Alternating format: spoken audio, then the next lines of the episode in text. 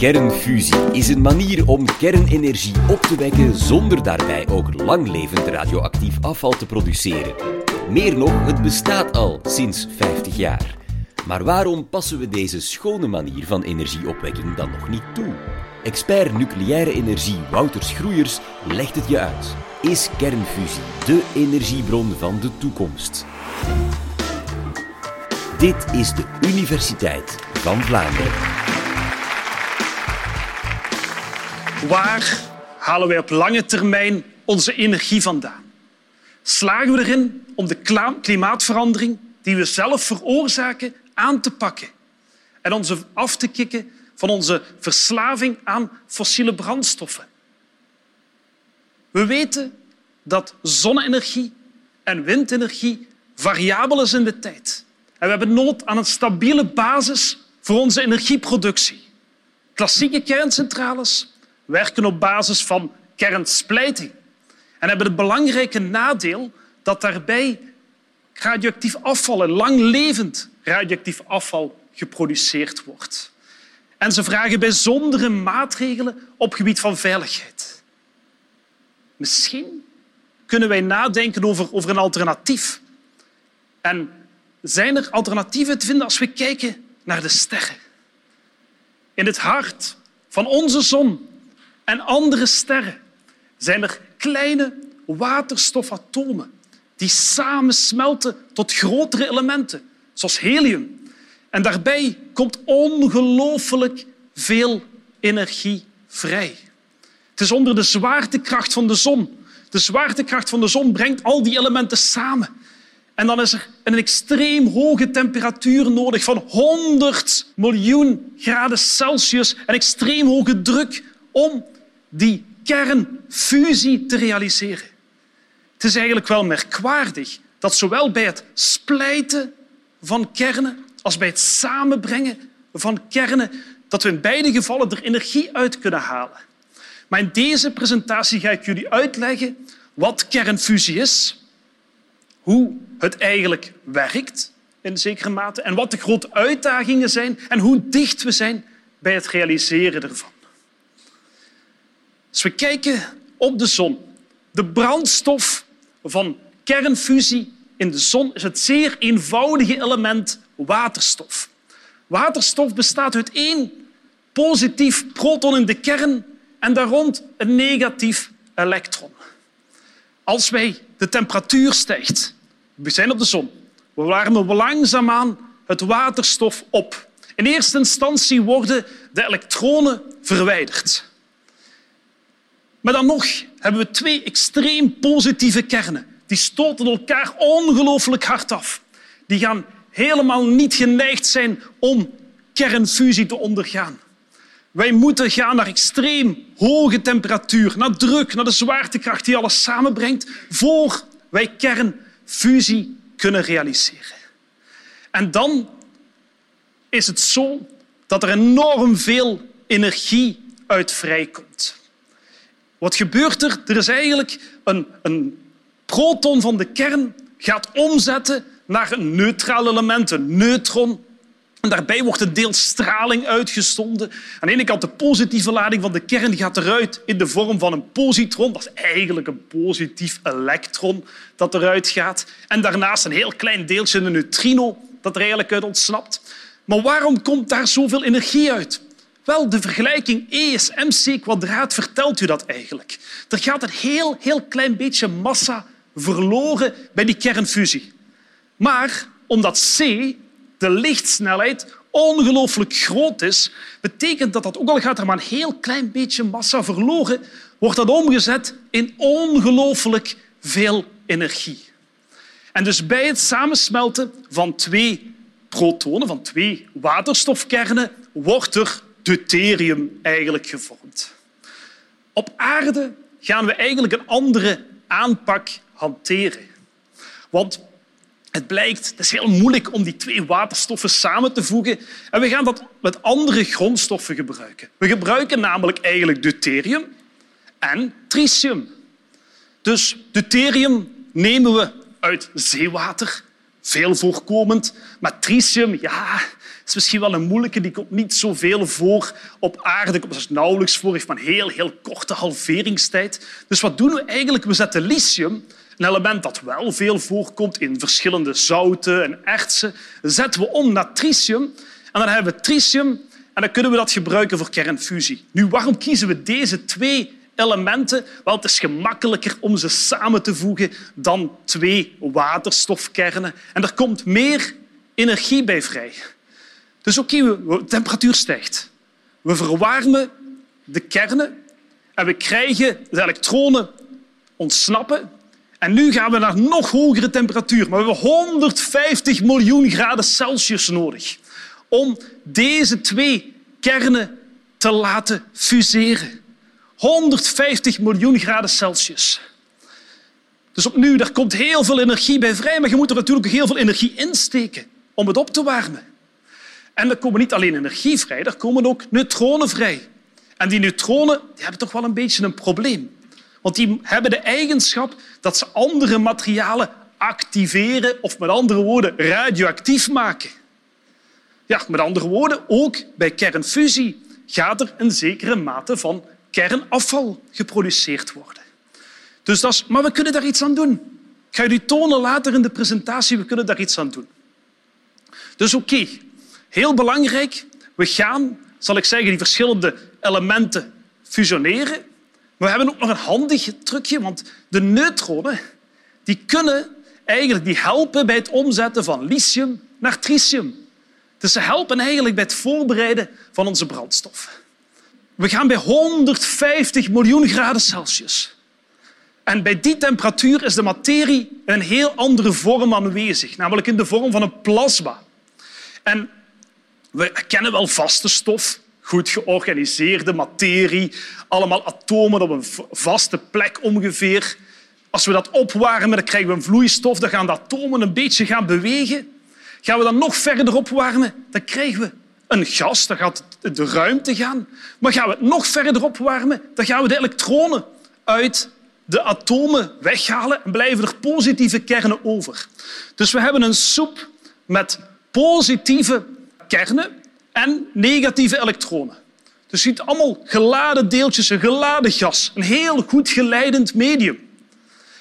Maar dat plasma hebben we nodig om kernfusie te realiseren. We moeten eerst de kernen, zal ik zeggen, de elektronen verwijderen, voor we ze kunnen samenvoegen.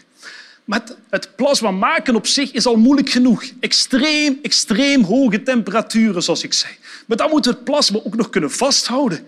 Want die deeltjes die willen alle kanten opgaan. Dus die gaan eigenlijk ontsnappen voordat je het weet. Dus dat is de volgende uitdaging van kernfusie. We moeten genoeg kernen samenbrengen om die fusie te kunnen realiseren. En stel, we hebben een oven. We hebben een oven en we steken daar heel veel deeltjes in en de temperatuur stijgt. We gaan het opwarmen tot we eigenlijk ons plasma krijgen. Het plasma ontsnapt heel snel eigenlijk naar de wanden, naar alle kanten. We kunnen ons plasma niet vasthouden. Dus als we het niet kunnen vasthouden, kunnen we geen kernfusie realiseren. Nu, misschien hebben we een oplossing. Wat als we nu eens gingen werken met magneten?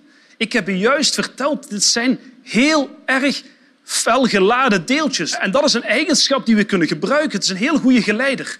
Dus als we een magnetisch veld aanleggen, bijvoorbeeld we zetten er allemaal magneetspoelen rond, dan kan het bijvoorbeeld volgens een rechte lijn gaan de verschillende deeltjes dan gaan bewegen. Maar dan nog ontsnapt het aan de zijkanten. Dus we zijn er nog niet. Hier op dit moment kunnen we dit nog niet gebruiken, want ons plasma, zie het plasma verdwijnt. Misschien is er een betere manier. Wat als we nu, en hier komt een donut, wat als we nu een, een donutvorm gaan aanleggen? We gaan eigenlijk een soort van schijf. We laten, zal ik zeggen, de geladen deeltjes bewegen in de vorm van een schijf. En op die manier blijven ze ronddraaien en blijft eigenlijk uw plasma in stand. En gaan ze niet ontsnappen? En dat is eigenlijk de truc die we gaan gebruiken voor kernfusie. We gaan de deeltjes in cirkels laten rondgaan. Maar dat is gemakkelijker gezegd dan gedaan. Als we kijken naar de combinatie van magneten, die we nodig hebben om die deeltjes in cirkels te laten rondgaan, dat is een heel complexe combinatie van magneten. Dat noemen we ook wel een tokamak. En kijk naar dat toestel hier, dat is een zeer complexe installatie. Maar wat je vooral moet weten is, in het midden heb je het paarse plasma. Dus daar hebben we eigenlijk het donutvormig plasma. En tokamak betekent eigenlijk torensvormig, of met andere woorden, donutvormige uh, ruimte met magneten. Maar het is een heel complexe combinatie van magneten. We hebben heel veel verschillende magneten nodig voor we zo een donutvormig plasma kunnen realiseren. En er is een hele grote tokamak in aanbouw en die heet ook wel ITER. Met andere woorden betekent ook de weg. De weg voor kernfusie naar de toekomst. Of de weg voor de deeltjes. We sturen ze allez, in een cirkeltje als het ware. Dus dat is eigenlijk ITER. En ITER is een immens grote installatie. Want wij moeten voldoende deeltjes samenbrengen bij voldoende hoge temperatuur voor voldoende lange tijd om kernfusie te realiseren. Dus dat is een van de grote uitdagingen hier. En als we dan kijken, mensen vragen mij soms, waar blijft kernfusie? Maar ik kan u vertellen, kernfusie is er eigenlijk al. Al in 1990 was het zo dat daar een eerste, zal ik zeggen, kernfusiereactor gebouwd was. Alleen het probleem was dat je er veel meer, zal ik zeggen, uh, energie instak dan dat je eruit haalde. En dat was de jet en die was gebouwd, zal ik zeggen, in uh, Engeland, in het Verenigd Koninkrijk. En het is pas nu, zoveel jaar later, dat we de ITER gebouwd hebben. En ITER is de bedoeling dat we voor de eerste keer er meer energie uithalen dan dat we erin steken. Dus dat is heel belangrijk eigenlijk om te beseffen. En de bedoeling is dat we langzaamaan gaan naar een commerciële installatie. En uh, dat is wat uiteindelijk demo gaat heten.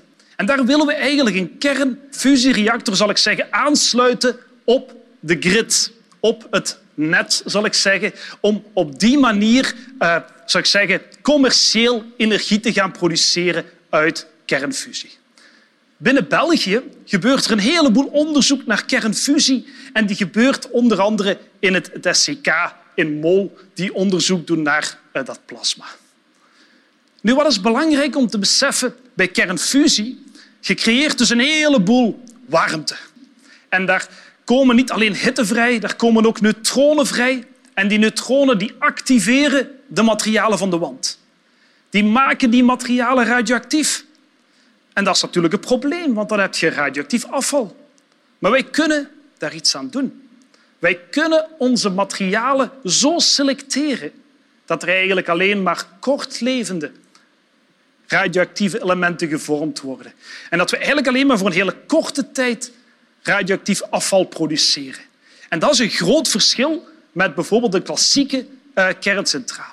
Maar ik zei het, daar komt enorm veel hitte vrij. Die wanden moeten tegen bestand zijn. De hitte wordt geabsorbeerd door de wanden.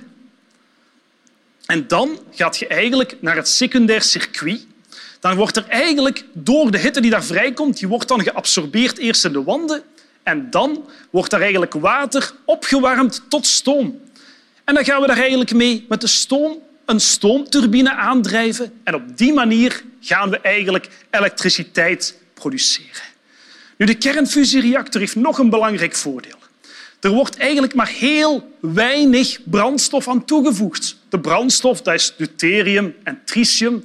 En we voegen eigenlijk maar een heel klein beetje deuterium en tritium toe en toch krijgen we er heel veel energie uit. En dat is natuurlijk ook belangrijk naar controle toe. Er is maar heel weinig brandstof aanwezig, dus de reactie kan ook niet uit de hand lopen en gaat niet aanleiding geven tot ongevallen die tot ver buiten de site impact kunnen hebben.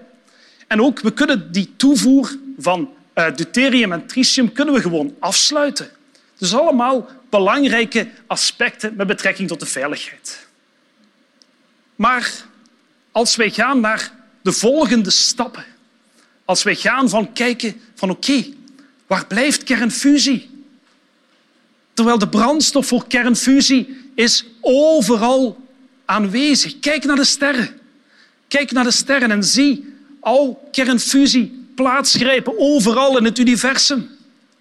Het is een heel milieuvriendelijke brandstof. Ik heb u verteld waar de grondstoffen vandaan komen. Het heeft geen gevolgen voor het broeikaseffect. Het is een, een veilige energiebron. Maar zoals ik u vermeld heb, er zijn enorme uitdagingen aan verbonden om het te realiseren. Meestal, mensen vragen zich wel eens af van oké, over hoeveel tijd wordt kernfusie gerealiseerd? En het antwoord is meestal over 50 jaar. Maakt niet uit op welk moment je dat vraagt. Het antwoord is over 50 jaar. Maar ik kan u zeggen dat je het eigenlijk anders moet bekijken. Want gezien de uitdagingen waar wij voor staan om een zon op aarde te produceren, is het eigenlijk verbazingwekkend hoe ver wij al geraakt zijn en hoe dicht wij staan bij de productie van de eerste commerciële kernfusiereactor. Ooit komen we er dus wel met schone energie. Wil je meer horen van die bevlogen stem van professor Wouter Schroeiers? Luister dan naar podcast 152 en krijg antwoord op de vraag hoe lang kernafval gevaarlijk blijft.